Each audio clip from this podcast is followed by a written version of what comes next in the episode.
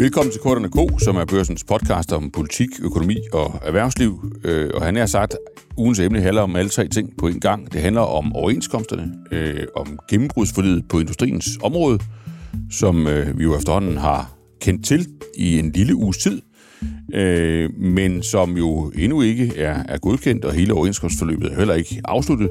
Så at forstå, hvad man præcis blev enige om, og at forstå, hvad der nu kommer til at ske, Ja, det er der vel nærmest ikke nogen dansker, øh, der ikke bliver påvirket af, fordi det handler om vores allesammens løn, øh, også de overførselsindkomster, som nogle danskere modtager, og det handler om dansk økonomi. Og til at forstå det i, i bund, jamen der er jeg i, øh, igen i godt selskab. Jeg har med mig Truls Bea, øh, kollega, journalist på børsen, som følger arbejdsmarkedet meget, meget tæt, skriver om det på børsen.dk og i Visen, og jeg har vores cheføkonom, Sten Bogen. Velkommen til jer to. Ja, tak.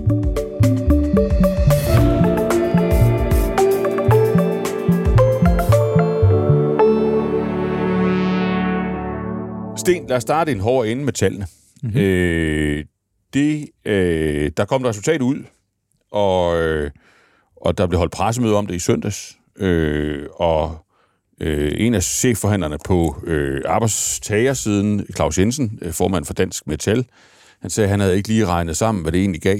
Øh, og det synes jeg var sindssygt morsomt, øh, fordi det, det er, det er alligevel en af de stiveste løghistorier, jeg har hørt i, øh, i nyere tid sådan ude i det offentlige rum i Danmark. Jeg tror, han har regnet relativt meget på det, øh, og også har folk til det hen over de sidste måneder. Men han har ikke lyst til helt at fortælle, hvad, hvad tallet var, og jeg synes egentlig heller ikke, at, at dansk presse, udover selvfølgelig børsen og Troels, var specielt skarpe på at få regnet tallene sammen. Øh, hvad er det egentlig, man har fået øh, her, sådan i kroner og øre? Så kunne du ikke lige gøre det for os? Øh, jeg skal da i hvert fald komme med et, et, et behjertet forsøg, ja. øh, og øh, jeg mundrede mig da også over Claus Jensens øh, sådan lidt spøjse udmelding, må jeg sige. Øh, det man jo selvfølgelig skal være opmærksom på her, det er, at industriens område, der hvor gennembrudsforlidet er, det er et mindste betalingsområde. Det vil sige udgangspunkt et område, hvor man ikke sådan i sin grundform forhandler løn. Øh, løn, man forhandler mindsteløn. Man forhandler mindstelønnen, men den løn, som den almindelige medarbejder inden for industrien modtager, jamen den forhandles ude på den enkelte virksomhed og ligger over mindste betalingssatsen, og for de fleste vedkommende et godt stykke over mindste mm. betalingssatsen. Så i udgangspunktet kan man sige, jamen så er løn egentlig ikke noget, som er en del af de her forhandlinger. Men det er ligesom det, der er udgangspunktet, det er ikke øh, realiteten. Det er ikke sandheden. det er ikke sandheden. Nej. Det er det, vi går og fortæller hinanden, men, ja. men sådan fungerer fungerer det jo ikke i praksis. Og den her gang øh, slet ikke, fordi man jo valgte øh, den her gang at øh, have et ret stort lønelement, og vel det største nogensinde på de her decentrale øh, lønforhandlinger, men et ret stort lønelement centralt ja. i centrale forhandlinger. Ja. Øh, og øh, derudover, jamen, så ligger der så også et, et meget øh, klart vink med en vognstang til de lokale forhandlere i form af, hvad man gør med de her mindstebetalingssatser, øh, som øh, ikke automatisk øh, overvæltes i de lokalt forhandlede lønsatser, men dog ikke sjældent i sidste ende ender med at blive sådan cirka det, som de fleste virksomheder følger. Der er selvfølgelig nogle virksomheder, som giver højere lønvækst, og nogle, der giver lavere lønvækst, og nogle, der slet ikke giver lønvækst. Men man kan sige sådan, set ud over øh, dansk økonomi som, som helhed, så er de her mindste betalingssatser inden for industriens område et meget godt pejlemærke at have. Og når vi så kigger på det, jamen så kan man sige, at øh, når vi kigger på den centralt aftalte lønvækst, jamen så er det jo sådan lidt kringelkroget, fordi man forhandler som sagt ikke om løn. Øh, mm. Og derfor så er man nødt til at gøre det øh, af sådan øh, lidt omveje, og det gør man øh, konkret i, i den øh, aftale, man indgik sidste søndag, ved at aftale, at øh, lønmodtagernes indbetalinger til pensionsopsparing, øh, de falder med 2 procentpoint, og at øh, arbejdsgivernes tilsvarende stiger med 2 procentpoint. Mm. Det er så at sige bare en måde at give lønmodtagerne en lønstigning på øh, bundjen på 2 procent aftalt centralt. Men fordi lønnen jo ikke er aftalt centralt, så gør man det altså via øh, pensionsopsparingen. Og det her kunstgreb gør, at alle øh, medarbejdere i industrien, sådan når, når de her, hvad skal vi sige, når det her for, for, forløber på plads, jamen de vil så se ned på, på bunden af deres øh, lønseddel, at deres disponible indkomst er steget øh, svarende til en lønstigning på, på 2%. Det var 2%. I, i, Dertil kommer så, at man gentager kunststykket øh, bare af en anden vej via den såkaldte fritvalgsordning, øh, som er en øh, ordning, som man indførte for nu efterhånden nogle år siden, hvor øh, man, øh, så vidt jeg husker, indbetaler indtil videre 7% af øh, sin løbende løn. Det sætter man så op til 9% betalt af arbejdsgiver. Øh, de her penge, der står på øh, kontoen, Jamen, øh, dem kan lønmodtageren så disponere over, enten trække ud som løn, eller i form af andre øh, forskellige goder. Blandt andet, hvis du er sådan sidst i dit arbejdsliv, så kan du have nogle, nogle seniorfridage, og der er vist også nogle særlige regler for børnefamilier og andet godt. Sandheden er, at 95 procent trækker det ud som løn, øh, mm. eller noget af den stil, og øh, det vil sige, det er i virkeligheden også løn, centralt aftalt, øh, men øh, ikke desto mindre løn. Øh, øh, og øh, det vil sige, to gange 2 procentpoint øh, har man, øh, to gange 2 procent har man så aftalt centralt, at lønningerne skal stige med. Men så er der jo den vigtige udstående del, og som gør, at vi ikke kan sætte to streger under det endelige, øh, den endelige lønstigningstakt, det er øh, det, som skal ske decentralt. Og der er som sagt de her mindste betalingssatser et øh, kraftigt vink med en vognstang, men ikke nogen garanti, og slet ikke en garanti på den enkelte arbejdsplads, fordi det kan godt variere fra arbejdsplads til arbejdsplads. Men de antyder, at øh, i tillæg til de to øh, procent, øh, som der øh, allerede er, øh, jamen så kommer der cirka øh, gange 3,5 procent. Og så når vi altså op på et eller andet, der ligger i, i størrelsesorden 5 5,5 procent øh, hen over, om, året. om året hen over de næste to år. Og så er vi jo oppe i det, det ret høje leje, vi skal tilbage til, hvis det bliver tilfældet, og det, vi kan ikke vide det, fordi mindste betalingssatserne er ikke en, en facitliste, det er en, en, en indikation. Øh, men øh, hvis vi kommer derop, så skal vi altså tilbage til 1988 for at finde højere lønvækst. Det vil sige, vi skal altså ret langt tilbage i tid for at finde noget, der, der tilsvarer det her. Og dengang, der var arbejdsmarkedet meget mere øh, øh, meget anderledes, og blandt andet jo var det sådan, at lønningerne var centralt forhandlet, øh, modsat nu, hvor de for 80% vedkommende på det private arbejdsmarked er aftalt ud på den enkelte virksomhed.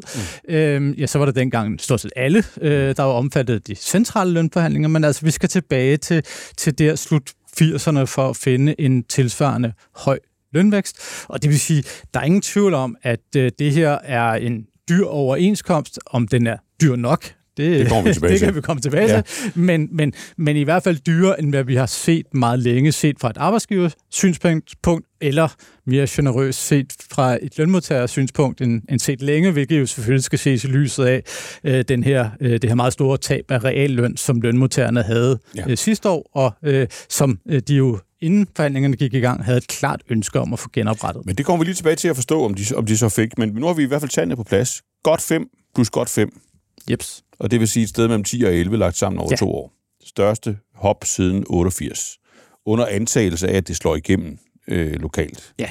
Men, men bare sådan også sagt, at hvis ikke det skulle slå igennem lokalt i gennemsnit, ja, så vil det være det samme som, at, at afstanden imellem dem, der får mindst, og dem, der, dem, der får, ja, får altså, gennemsnitligt, den vil blive snævret ind. Ikke? hvis, vi, hvis vi bruger de erfaringer, vi har med det her med interbetalingssystem, så man kan sige, jamen der er jo ikke nogen garantier. Nej, Nej det er der ikke. Men når vi sådan kigger på det hen over de, de seneste øh, 30 år, hvor vi har haft det her system i sådan stigende udstrækning, jamen hvis det havde været sådan, at der ikke var et gennemslag, så ville det jo være sådan, at dem, der lå nede i bunden af indkomstskalaen, havde, så at sige, indhente de havde andre, indhentet ja, øh, folk ja. længere op i indkomstskalaen, ja. og det er bare ikke det, vi har set. Øh, vi har faktisk set det stik modsatte, ja. nemlig at lønspredningen er steget en smule over perioden. Det vil sige, dem, der har haft mest gavn af systemet, det har været dem, som øh, ligger det længere op i indkomstskalaen. Så 10 pil opad? Ja, altså, hvis man skal tro den historik, vi har haft indtil mm. videre med systemet, så ja. Omvendt, så kan man selvfølgelig sige, at øh, øh det vi jo ikke ved, det er, øh, hvor stærk er øh, den lokale forhandlingskraft. Og mm. der har man måske de sidste par år set, at, øh, at den måske ikke var så stærk, som øh, man kunne have øh, haft håbet, set fra et lønmodtagers synspunkt. Ja. Altså, de, de har måske ikke evnet at forhandle helt lige så meget hjem lokalt, som, som de syntes, de havde fortjent. Øh, så så øh, det, det må tiden jo lidt vise, men, men det er i hvert fald ikke sådan set i et, et længere tidsperspektiv, at, øh, at lønmodtagerne er blevet snydt ved det her skift fra centrale lønforhandlinger til decentrale lønforhandlinger. Så vi kan godt regne med, at lønvæksten samlet set kommer til at, at stige ganske betydeligt fra de nuværende cirka 3,5-3,7 procent øh, til noget, der er en, en god chat højere. Okay, så giver vi lige Sten Bukken en, en, en pause, Troels Øh, du, du har så fulgt, fulgt forhandlingerne og fulgt forhandlerne. Øh, så, så tæt, som man nu kunne komme på. Og du har ikke sådan på den måde brudt ind i forhandlingslokalet. Vi, altså, jeg vil gerne. Du vil jo kunne. gerne, ikke også, men, men, øh, men du har betjent dig af lovlige metoder. Og du var der jo også, da de, da de, da de nåede et resultat, øh, og så videre. Kan du prøve at give en bedømmelse af sådan stemningsbilledet? Altså, hvem var, hvem var gladest? Øh, altså, det er jo svært at sige, men altså, jeg synes jo begge to, altså, øh, jeg synes de begge to, da de kom ud, så ualmindeligt trætte ud, og også mere udmarvet og trætte ud, end de måske ellers har gjort de andre gange. altså overordnet set, så tror jeg, at de begge to har været ret tilfredse med det her. Jeg tror, at man øh, øh, har været enormt tilfreds med, at man har eller nået et resultat, og endnu en gang, så har de vist øh, inden for industriens område, at de er parat til at tage et ansvar, at de har fået landet et resultat, og det var der jo nogle spekulationer om, at man kunne nå. Jeg troede, ikke, jeg troede selv på, at de ville nå det, fordi ja, det, det, du, at det, det, det har man på bånd, at du faktisk det, det, man gør inden for industrien, at man ja. viser som, som ansvarlige forhandlere ja. og tager ansvar også for dansk økonomi, så den har jeg hele tiden troet på, men jeg synes, at de så trætte ud, og jeg synes da også, at Claus Jensen, men egentlig også Lars Sandal, altså Claus Jensen fra Dansk Metal og Sandal for Dansk Industri, at de så ret trætte ud. Mm. Jeg har så forhørt mig om det efterfølgende og snakket med folk rundt omkring, hvordan de har haft det med det, og jeg tror, at de begge to er ret tilfredse med det. Altså, jo, arbejdsgiverne de har betalt en del for det her, og som Sten er også inde på, så har de betalt mere, end man normalt vil gøre ved de centrale forhandlinger. Men altså, det lå også i kortene, at der skulle noget på bordet, og så, mm. så på den måde, så synes jeg ikke, at det er overraskende, det her resultat egentlig. Øh, Øh, nej, jeg synes ikke, det er overraskende. Jeg synes egentlig, det er landet øh, øh der, hvor man kunne forvente det. Ja, for der er jo flere jagttager her under vores egen Niels Lunde, der sådan går gældende, at det der med, at begge parter ser lidt slukket ud, det, det er sådan... Det er ligesom grillstiber på en bøf, ikke? Det, det, det indikerer, at den er nok stegt meget godt. Altså, at øh, og, og, og man har landet det rigtige sted midt imellem de her, øh, de her interesser. Men, men kan slukødheden eller trætheden også have noget at gøre med, at, at at begge parter har måske lidt mere grund til nervøsiteten, de plejer, i og med, at, at, at Claus Jensen ikke kan være sikker på, at det her bliver stemt hjem, og i og med, at Lars Sandal jo nok alligevel har nogle virksomheder, måske de særligt de mest pressede virksomheder, der vil sige, at det var godt nok en dyr omgang. Altså Sandal har jo fået klappet det her i baglandet ja. over i Dansk Arbejdsgiverforening, som jo har siddet øh, på, på bagbænken, ja. og så at sige, og så set på, hvad det er, man har forhandlet sig hjem frem til. Ja.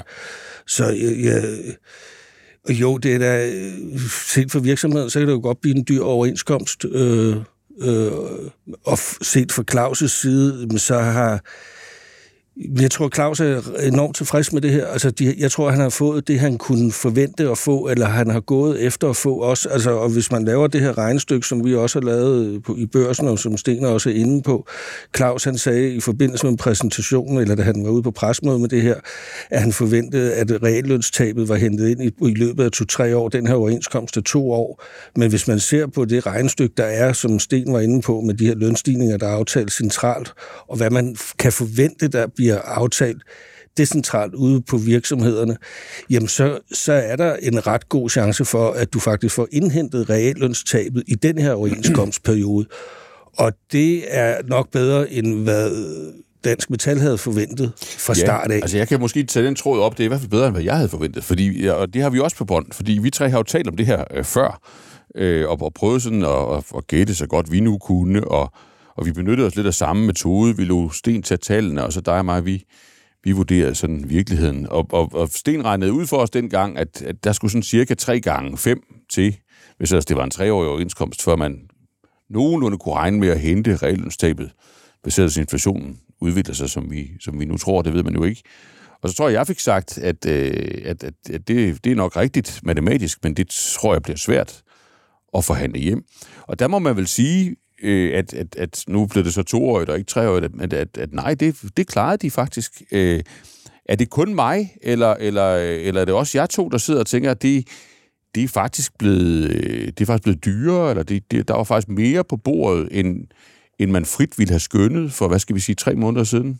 Altså, det, det er jo, som Sten siger det, der er blevet forhandlet mere ind centralt. Altså, forudsætningen for, at du kommer ind og får hentet det her reglønstab, jamen det er, at du decentralt ude på virksomhederne får hentet de her... Det er klart, det er den præmis, diskussionen Ja, og det var, der fik du sidste, altså sidst, der fik du 3,4 procent ind ved de decentrale forhandlinger. Ja. Og der er det jo så for, altså, lagt ind, at det, så skulle man også have det ved de her forhandlinger, der mm. kommer, og det bliver svært at vide, og så nogle virksomheder vil der være en relativt større lønstigning end 3,4 procent. Det er med på. Og så der andre vil det være mindre. Men, men, men alligevel, altså, sådan, hvis I skal sammenligne jeres egen du, sådan skøn, da det her gik i gang med de, med de tal, I nu kan se, hvad, kan vi Jamen, få lidt ærlighed fra, jo, fra gæsterne men, her? Altså, øh, Ej, det, det bryder jeg mig grundlæggende, grundlæggende ikke om. Det prøver jeg at holde mig øh, på sikker afstand af. ja, ja. Men, men, når det, men, men jeg tror måske, at der, der er en ting, der lidt har skiftet ja. i løbet af overenskomstforhandlingerne.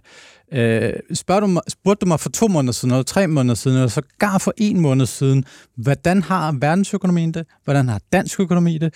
Så ville jeg tippe mere ind på, at vi er på vej ind i en krise, ja. end jeg måske vil gøre den dag i dag. Jamen, øh, tak, Sten, fordi øh, dermed redder du mig en lille smule. Fordi, ja, præcis. fordi jeg ville jo have sagt for, for tre måneder siden, at, at virksomhederne de kommer altså til at stå, stå relativt hårdt her. De, de vil ikke ind i en recession med, med, med, med 3 gange 5 i tasken. Og det, og det er jo også derfor, man kan sige, at, øh, at øh, set fra mit perspektiv, grunden til, at Lars, og nu bliver det jo virkelig spekulativt, ikke? Altså, hvorfor går Lars Sandel ud og ser så træt ud?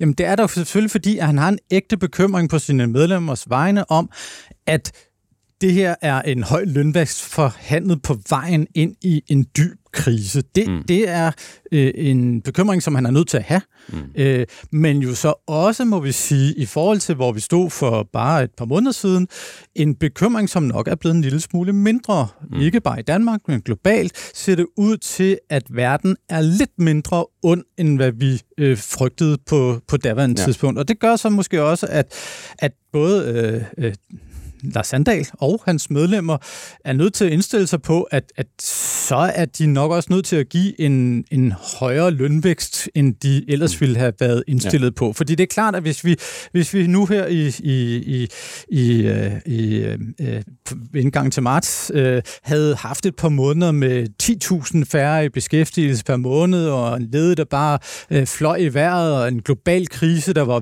ved at udfolde sig, jamen, så ville ville de jo ikke være gået med til at sige, jamen så siger vi lige 5% lønvækst, så ser vi, hvordan det går. Mm. Men, men det er jo bare ikke det billede, vi kigger ind i. Når vi kigger på den danske beskæftigelse, jamen så er den faktisk stadig stigende med de tal, vi i hvert fald har. Ja. Ledigheden stiger også en smule, men det er så, fordi der kommer flere ud på arbejdsmarkedet, altså ikke fordi, at der er færre i beskæftigelse.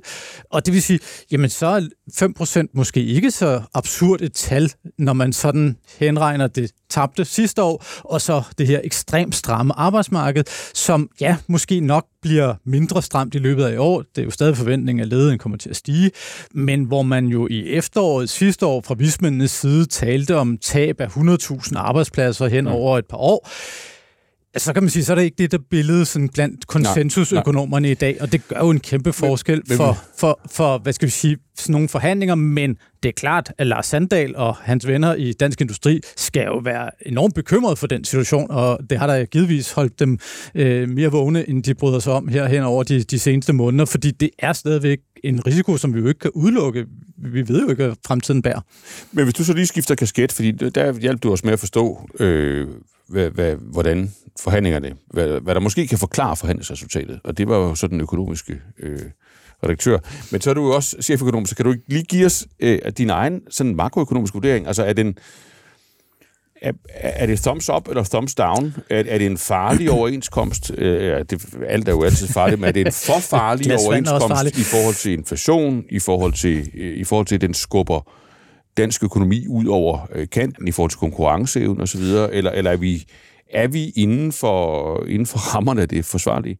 Øh, jeg, jeg tror, det kommer lidt an på, hvordan man anskuer det her. Mm. Øh, ser man det sådan konkurrenceevnemæssigt, så er der jo ingen tvivl om, at lønvæksten i rigtig mange lande er på vej op. Men, øh, men vi er foran her. Men da, den Danmark her overenskomst er, er nok lidt dyrere end de overenskomster, som vi ser i landene lige omkring os i hvert fald. Tyskland, Sverige, og Tyskland. Ja. USA løb jo foran os ja. sidste år, så der er billedet lidt noget andet.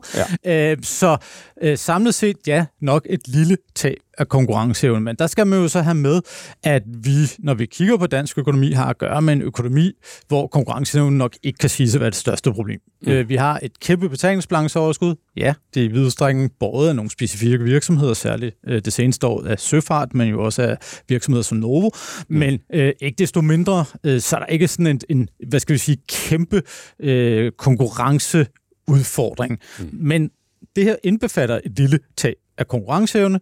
Et lille tab af konkurrenceevne betyder også lidt færre arbejdspladser. Men hvis vi kigger på dansk økonomi, så de bedste vurderinger, der er den slags, jamen så er vores nuværende beskæftigelse jo faktisk højere end det, som for eksempel Finansministeriet eller ja, de økonomiske vismænd øh, vurderer, at der er muligt sådan på den lange bane i forhold til, hvordan vores økonomiske struktur er. Mm. Så det er egentlig ikke så super unaturligt. Man kan sige det i gamle dage, så ville vi, sådan, når, når økonomien var under pres, ville vi måske have ændret vores valutakurs, have i perioder devalueret vores valuta, eller revalueret vores valuta. Øh, det her, det svarer lidt til en, en, en revaluering via lønvæksten, og øh, det skal vi jo sådan set egentlig ikke være kede af nødvendigvis. Det betyder, at vi får lidt mere købekraft, ja, lidt færre arbejdspladser måske, øh, men, men ikke nogen sådan økonomisk øh, katastrofe, hvor man som cheføkonom kan vende, vende øh, tommelfingeren nedad. Øh, så kan man sige, en anden problemstilling er så, øh, hvad med inflationen? Øh, når vi får 5% lønvækst, eller måske endda en chat mere, øh, får vi så inflationen ned på 2%? Øh, og der kan man jo sige, at Danmark, tja, altså inflationen er jo vidstrækket en global fænomen. Men hvis vi nu lige bare sådan fokuserer alene på den danske del af inflationen, så må vi jo nok konstatere, at det her det gør det sværere at få den indlands skabte inflation ja. ned, fordi at man kan sige 5-5,5 procents lønvækst med den normale produktivitetsvækst og med sådan de normale øh, udviklinger i, i virksomhedens indtjening, jamen så vil det altså ikke øh, indbefatte en inflation på 2, så er det snarere en inflation på en 3-4 procent. Øh, mm. Øh, og det vil sige, det er da med til at få øh, inflationen til at øh, have sværere ved at komme ned fra det her meget høje niveau, og derfor kan man jo så også sige, at det øger jo altså også bekymringerne for den her, øh, hvad skal vi sige, det her udyr i, i åbenbaringen, øh, lønprisspiral, som vi ja, alle sammen har men, været men meget bekymrede for. Til den, fordi det, du, lad os lige komme tilbage til den. Den, den gemmer vi.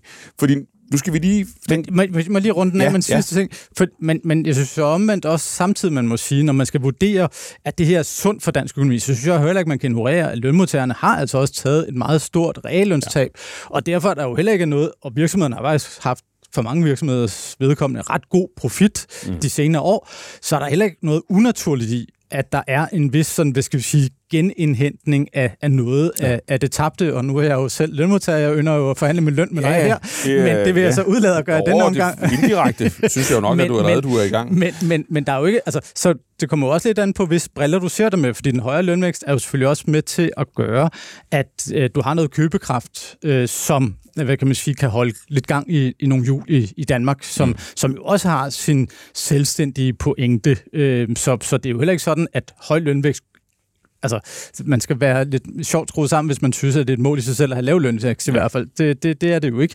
Øh, det hele handler jo om, at vi skal maksimere vores øh, velstand, øh, mm. og der kan man sige, der er høj lønvækst jo ikke dårligt, og netop når vi jo så har haft et år, hvor vi mange har tabt ganske betydeligt på deres disponible indkomst, jamen så er det jo heller ikke unaturligt, at man får et år, hvor det så, eller et par år, øh, hvor det så måske går lidt bedre. Ja, men lad os lige komme øh, super godt, øh, øh, hvad kan man sige, øh, summeret, hvad, hvad, hvad, hvad der kan siges om, om sådan, både det fordelingsmæssige og, og, det, og det økonomiske i det. Lad os prøve at komme tilbage til, hvad kan man sige, perspektivet i det. Men, men før vi, vi gør det, Troels, øh, måske lige prøve at få, få, få ridset op, hvad sker der egentlig nu? Altså, fordi vi er jo ikke færdige. Det er jo, sidste søndag, det er et gennembrudsoverenskomst, og, og, og, og det er det jo vidderligt på den måde, at, at, at den sætter nogle rammer for, hvad, hvad der så sker fremadrettet, men den er jo ikke, den er jo ikke godkendt, øh, og den dækker jo heller ikke alle danske øh, privatansatte lønmodtagere.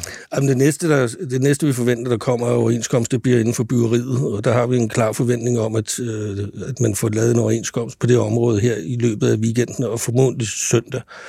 Og så regner vi med, at... Så der skal du øh, være på arbejde igen? Det regner jeg med, jeg ja. er i hvert fald skemasat til det, og så ja. regner vi med, at det, det, jeg har fået at vide, det er, altså inden for normallånsområdet, så kommer det et lille gennembrudsforlid, og det er så i, med transport, på transportområdet, og det regner vi med, det kommer Det seneste, jeg har hørt, det er, at det skulle komme start næste uge. Måske tirsdag, mandag, tirsdag, onsdag, men i hvert fald start næste uge.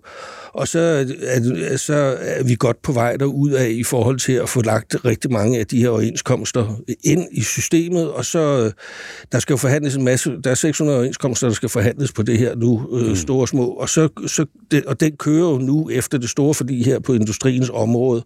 Så der bliver jo lukket en masse overenskomster her i løbet af det næste stykke tid, mm. og så bliver det sendt over i, så, så er der nogle områder, som måske ikke får lavet en overenskomst. Der er altid 4-5-6 procent af områderne, der ikke får lukket overenskomst. Det ryger over i forlisinstitutionen, hvor forlispersonen eller kvinden, manden, sidder og så samler det hele sammen i et samlet forlig, mm. som så bliver sendt ud til fagforeningens medlemmer, og så skal de i gang. Det bliver nok start april, 5. 10. 7.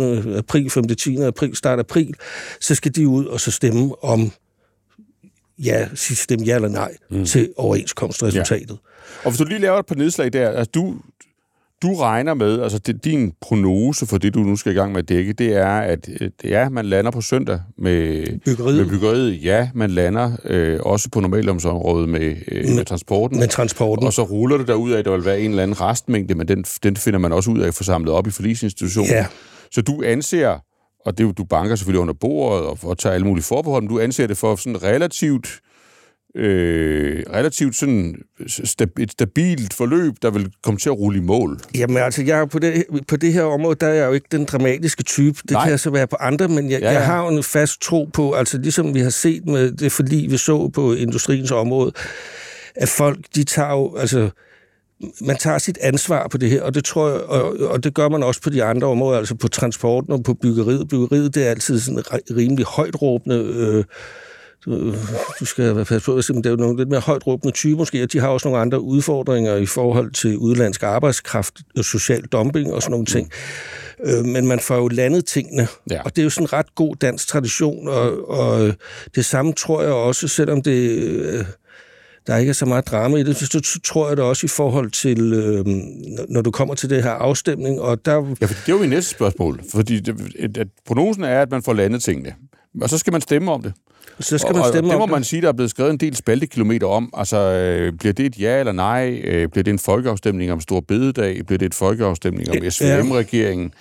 Altså, øh, og der kan så du, kan du vi jo, et, et, der et, så vi jo den her uge, at der var der jo indkaldt sig 80 tillidsmænd til et tillidsmandsmøde her i København, og det var så for en led af, øh, af 3F Byggeri ude i Valby, som havde indkaldt til det. Og det fylder jo en del, når de går ud. Det, vi skrev også om det selv, og det, det fylder jo en del ud i offentligheden, når der sker sådan nogle ting. Og der vil garanteret komme flere af det. Der, der er også noget på vej op for Aalborg, øh, med at de også vil indkalde til nogle møder. Og det fylder jo ud i bevidstheden. Altså nej-møder. Nej-møder. Nej til, ja. til den her overenskomst. Eller en mobilisering af vreden over omkring alt det her med stor bededag. Og kan man for nogle dele af fagbevægelsen kanalisere den vrede over i et fra stor bededag over et nej til overenskomsten. Mm. Det er der jo spekulationer om, og det, det er jo noget, der... Så bliver der jo spekuleret, om ved det sted kom et nej til den, til, når, vi skal, når der skal stemmes om den her samlede overenskomst. Men altså, min bedste overbevisning om det er, at det, øh, det bliver et ja. Mm. Og øh, når jeg snakker med dem ude i fagbevægelsen, altså øh, for eksempel og Rør, mm. ved de seneste overenskomster, der, der har de ikke enstemmigt i hovedbestyrelsen på Blik og Rør stemt ja til overenskomst det, der lå for industrien. Det har man gjort den her gang. Mm. Og det tolker man også ind i fagbevægelsen på, at øh, når man har faktisk landet et resultat, som vil vække øh, ret stor begejstring også, i hvert fald i de højere lag af fagbevægelsen, men den kan du også godt kanalisere længere ud i systemet, og det er det, man er i fuld gang med at gøre nu fra Dansk Metals side, hvor man mobiliserer lokale øh, fagforeningsfolk, og man mobiliserer alle tillidsmændene derude til at gå ud og at slå på tromme. Få slå på tromme for, hvorfor det her det er et rigtig godt resultat. Og hvis man ser på det sådan helt nøgtern, hvis man kan lægge vreden fra Stor Badedag lidt over på den ene hylde, så, så helt nøgtern, så har du også for lønmodtagerne egentlig fået et ret godt resultat. Mm. Og det er jo selvfølgelig det, man må prøve at slå på fra fagtoppens side, og så prøve at få det her kørt igennem til et ja.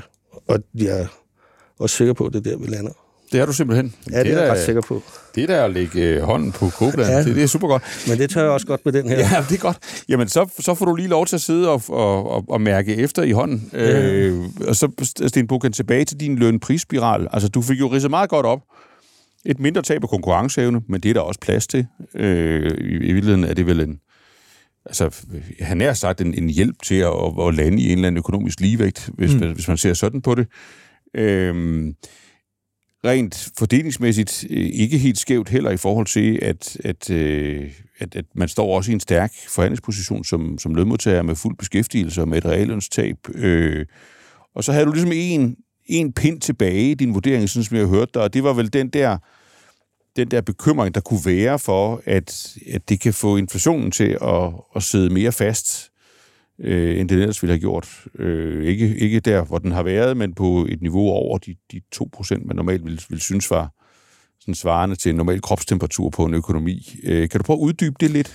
Jamen, man kan jo sige sådan lidt firkantet sagt, hvis, hvis jeg skal have 5% eller lidt mere i lønvækst, mm. øh, jamen, øh, så stiger avisens omkostninger er jo med et eller andet, der ligner 5%, hvis det vil mærke af alle medarbejderne, ja. øh, fordi det nu engang er den primære omkostning for rigtig mange virksomheder, det er, ja. hvad de skal øh, aflønne deres medarbejdere. øh, og øh, så kan det jo godt være, at øh, ejerne af den her fine vis tænker, at øh, hvis vi skal betale 5% mere i løn, så vil vi også gerne have 5% mere for vores produkt. Mm. Øh, og øh, hvis de siger det, øh, hvis vi nu leger med den tanke, øh, jamen så får vi jo svært ved at få inflationen ned på, på øh, de 2%, som vi ligesom øh, i hvert fald indtil videre har sigtet efter i, i ganske øh, lang tid. Så ja, kan der være nogle familier... to år, så skal de have 5% igen, for ja. ikke at have lige det Ja, præcis. Ikke? Ja. Så kan der være nogle familieomsættigheder i form af, at jeg bliver mere produktiv, og det kan man jo roligt sige, at jeg gør fra hver dag, der går. Det er svært at blive mere produktiv end dig, det vil jeg sige. Øh, altså, ja, tak. Ja. Øh, hvad hedder det? Men, men, men der er selvfølgelig noget med noget produktivitet, men, men det ligger typisk i sådan Danmark i størrelseorden 1-2 procent, så det er i hvert fald ikke nok til at redde den hjem. Så kan vores ejere sige, at Nå, jamen, sidste år tjente vi godt, det er jeg ikke sikker på, at de vil sige, men mm kunne der være nogle ejere, der vil så sige, at sidste år tjente vi så godt, så vi ikke behøver at få sådan samme indtjening de kommende år, og så tager vi så at sige lidt af regningen. Mm. Men ja, problemet er lidt, at, at vi får svært ved at få inflationen helt derned, hvor vi gerne vil have den hen. Ja. Og øh, ja, så bliver inflationen højere, og så næste gang vi skal forhandle, så blev den der realløn ikke helt genindhentet, som vi gik og troede, og øh, så vil øh, forhandlerne øh, fra lønmodtagers synspunkt jo igen gerne have en lidt højere lønvækst, end øh, de måske ellers ville have haft, mm. og så ruller det jo ligesom bare ud af med en inflation, som så måske er en, øh, ikke nærheden af de 10 procent, så vi på en kort periode sidste år bøvlede med, men sådan måske en, en 3-4 procent, og øh, ikke de 2 procent, som vi egentlig gerne vil have. Og det er det, der er udfordringen. Øh, om vi når dertil, jamen det afhænger af enormt mange usikre parametre, men først og fremmest afhænger det jo af, om arbejdsmarkedet svækkes i den her periode. Altså, øh, kommer vi ind i et forløb, hvor øh, beskæftigelsen begynder at, at falde? Fordi mm. hvis den gør det, jamen, så kan det godt være, at øh, når, øh, så at sige, at, at jeg skal forhandle løn næste gang, at jeg siger, at øh, jamen, inflationen kommer jo aldrig helt derned, men så vil du så sige til mig, nej, nej, men øh, det problem det kan vi jo så også se afspejlet i, at der er også ret mange ledige, og øh, mm. vil du så gerne virkelig, vil du virkelig prøve at presse citronen, så du får yderligere 5% oven i hatten, mm. øh, med risiko for, at jeg fyrer dig, fordi jeg kan finde en, der er væsentligt billigere derude, mm. og, og så kan man sige, så stopper prisspiralen.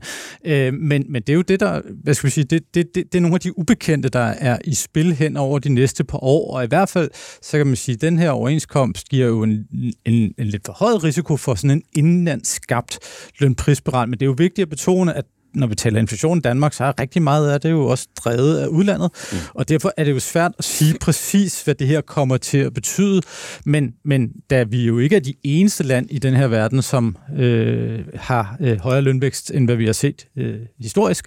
Øh, vi har sågar set det i Japan her inden for den seneste uge, hvor der er lagt op til ret pæn lønvækst. Øh, et land, som jo ellers har været karakteriseret deflation og mm. øh, meget lav lønvækst i ja, 30 års tid. Øh, Jamen, øh, så kan man sige, så, så er det øh, med til ligesom at bære ved til det her bål i forhold til, om inflationen overhovedet øh, kommer sådan rigtig under kontrol. Og, og når vi sådan taler inflationen under kontrol, så gør det bare en kæmpe forskel, om vi lander på 3-4% eller på 2%, fordi 3-4%, så er centralbankerne stadig på arbejde i form af at skulle hæve renterne, ja. øh, hvorimod ved 2%, ja, så kan de jo så læne sig tilbage og, og, og sige, at nu nok nok, øh, hvad det mm. angår. Øh, så, så der er jo en masse, så der er jo en, en masse ubekendte i, i det her regnestykke, men, men, øh, men, men ja, det er jo en dyr overenskomst, og derfor så, så øh, øger det jo risikoen for den her lønprisspiral. Sidste runde, set fra regeringskontorene, Truls Bea, så må der jo sidde nogle mennesker og være enormt lettet over, at det, der kunne ligne øh, en, en overhængende risiko for en stor konflikt, og dermed en overhængende risiko for, at de skulle ud og gribe ind i overenskomsterne, øh, og ud og tage en masse ballade øh, fra nogle lønmodtagere, som, som blev sure over, at, at, at de blev påtvunget øh, en, øh, en overenskomst, de egentlig hellere de egentlig har stemt nej til. At, at det, det er ligesom, det ser den risiko, i hvert fald hvis man skal tro sådan Troels Bea, og det skal man jo ofte, gør man klogt i det, jamen så, så kan de jo lettet op, det skal de ikke til. Der var altså, jeg tror, det var 100% sikkert, at uh, Mette Frederiksen var glad søndags, da hun så, de kom, fordi ja. selvom hun nok også havde forventet det, så tror jeg bare, hun var glad for det, fordi det var ligesom første hurdle ja. på det her. Uh, og den næste hurdle er selvfølgelig for hende at få det her stemt hjem, fordi det vil være en store ord, men det vil virkelig være en katastrofe for regeringen, hvis det her det ender i en stor konflikt, og de skal gå ind en uge, 10 dage efter og så øh, lave den forlistekst, der ligger over for forlisinstitutionen og ophæve den til lov. Mm. Øh, fordi det vil give sig ekstremt meget ballade, også i forhold til det, der har været omkring Stor Bededag. Mm. Og min klare vurdering i forhold til også det med, jeg tror, det bliver hjemme, det er, jeg synes, man kan... Altså, ligesom hele den her store bededag, den har lidt toppet i forhold til vreden, der var over det, og det er jo sådan meget måske også normalt, om så bliver der bygget op, og der bliver en masse vrede omkring det, men, men folk har også fået udtrykt, når selvom fagbevægelsen jo så stadig står og er rasende over det der, og bruger ord som svineri og alt muligt andet omkring Stor Bededagsindgrebet, jamen så vil de jo også, og det vil de sætte Rigskov for FH, jo også gå ud hårdt agitere for et ja på det mm. her. Øh, men for Mette Frederiksens side og for den samlede regerings side, så er de da ekstremt lettet over det gennembrudsforlig, der er kommet. Jeg tror også, de synes, det ser ud som, at, at, at, at og så undgår de den her konflikt, som vil være ekstremt dårlig for mm. regeringen. Mm. Mm.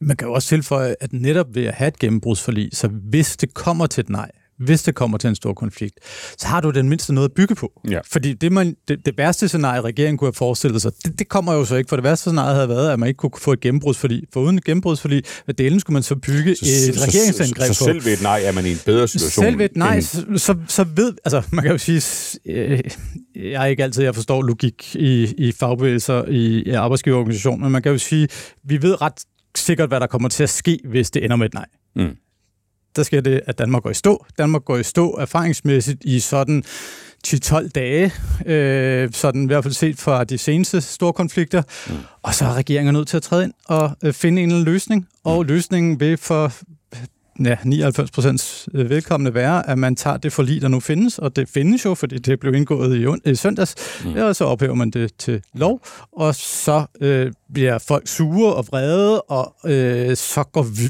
verden videre. Ja. Øh, og, og det vil sige, det, øh, en sådan konflikt vil jo ikke ændre øh, andet end et øh, mikroskopisk komma i et eller andet øh, protokol højst øh, på øh, det resultat, der er blevet forhandlet. Øh, og det vil sige, i realiteten, så har konflikten jo ikke meget andet, end at det kan få, øh, så at sige, lidt, øh, få lukket lidt øh, damp af kedlerne, måske, hvis mm. folk er vrede nok. Øh, men, men det bliver meget svært, at, det er meget svært at forestille sig en regering, der går ind og så åbner et forlig og siger, nu giver vi lige jer et eller andet, som I øvrigt slet ikke havde øh, opnået enighed om. Eller noget fra jer. Eller ja. noget fra jer, ja. afhængig af, hvem man ser, øh, hvis synspunkt man ser det fra. Men sidste ord til dig, Sten Buken. Lettelse over det der, altså at, at, at hvis Troels har ret, så skal man slet ikke ud og gribe ind, hvis Troels ikke har ret, og det tror vi jo, han har, jamen så har man da i det mindste noget at gribe, gribe ind i. Men, men er der så på den anden side måske nogle andre regeringskontorer bekymring for, for det du også taler om, nemlig at et økonomisk indgreb, altså at det, man talte om for et halvt år siden, det øh, tidligere nationalbankdirektør Lars Rode anbefalede, nemlig at man gik ind, tog noget fart ud af økonomien, øh, tog noget efterspørgsel ud, strammede den økonomiske politik, enten ved at hæve skatterne eller ved at skrue ned for, for de offentlige udgifter, investeringer eller drift, for ligesom at undgå den her lønprisspiral.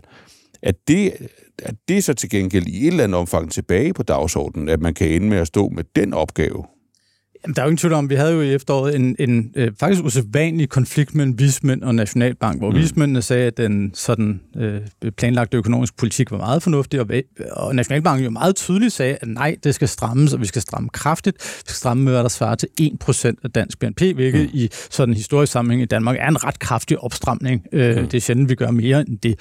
Øh, og der må vi jo bare sige, at øh, det forløb, vi har haft siden, både hvad angår beskæftigelsesudvikling, men jo altså også med det her forlig på industriens område, øh, i hvert fald set fra min stol, antyder, at øh, Nationalbanken havde nok mere fat i den lange ende end øh, de økonomiske vismænd. Mm. Risikoen for, at dansk økonomi overopheder, er betydeligt højere end det, som vismændene vurderede i efteråret sidste år, og ligger nok mere der, hvor Nationalbanken agiterede, nemlig at øh, det taler for en finanspolitisk stramning. Og derfor kan man jo sige, at hvis man var finansminister, så burde man jo være bekymret ja. for den her udvikling, fordi det her, det kan altså godt betyde, at, øh, at øh, der kan blive behov for at, øh, at, at stramme op. Øh, mm. og og øh, meget er sjovt i den verden, men jo sjældent at stramme den økonomiske politik.